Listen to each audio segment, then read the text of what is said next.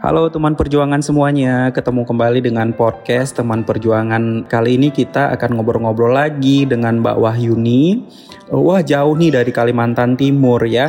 Beliau ini adalah seorang uh, caregiver untuk uh, ibunya yang menderita kanker ovarium. Oh iya, uh, nama saya Wahyuni, usianya 40 tahun dengan lima orang anak saya ya sambil dampingin ibu juga gitu. Berat sih sebenarnya. Cuman ya harus dilaluin gitu ya mas ya. Aduh kalau saya tuh cerita pasti kepingin nangis gitu. Kanker ovarium berat mas. Kemonya itu aduh habis habis apa kembali dari rumah sakit itu sudah satu hari dua hari seminggu tuh sudah badan tuh katanya sakit semuanya. Okay. lagi saya ngurus ngurus lima anak kan sendiri gitu kan. Kemarin pas ibu kemo itu kan dia apa saya lagi hamil.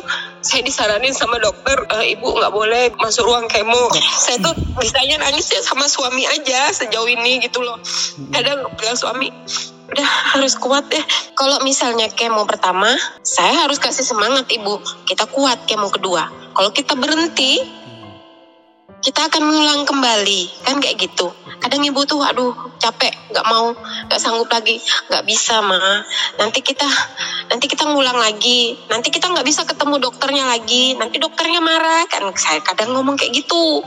Nah, saya kadang ngomong begitu. Oh oh ya sudah. Jadi ada semangat lagi. Ada yang saya bawa jalan-jalan. Ke mana? Saya bawa jalan. Itu kan ya udah kadang istirahat aja di dalam mobil. Pokoknya saya bawa aja jadi biar dia agak rileks. Kayak gitu sama ibu. Saya sudah punya semangat kan.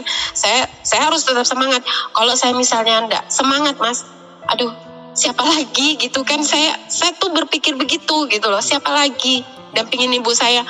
Pokoknya yang penting jangan pantang menyerah. Ya namanya orang tua biar bagaimana biar bagaimanapun apalagi kondisinya seperti ini berarti kan ada hikmah di balik itu. Nanti kita gimana? Oh, Allah pasti kirim apa jalannya masing-masing sama umatnya. Jadi tinggal kita aja menyingkapinya.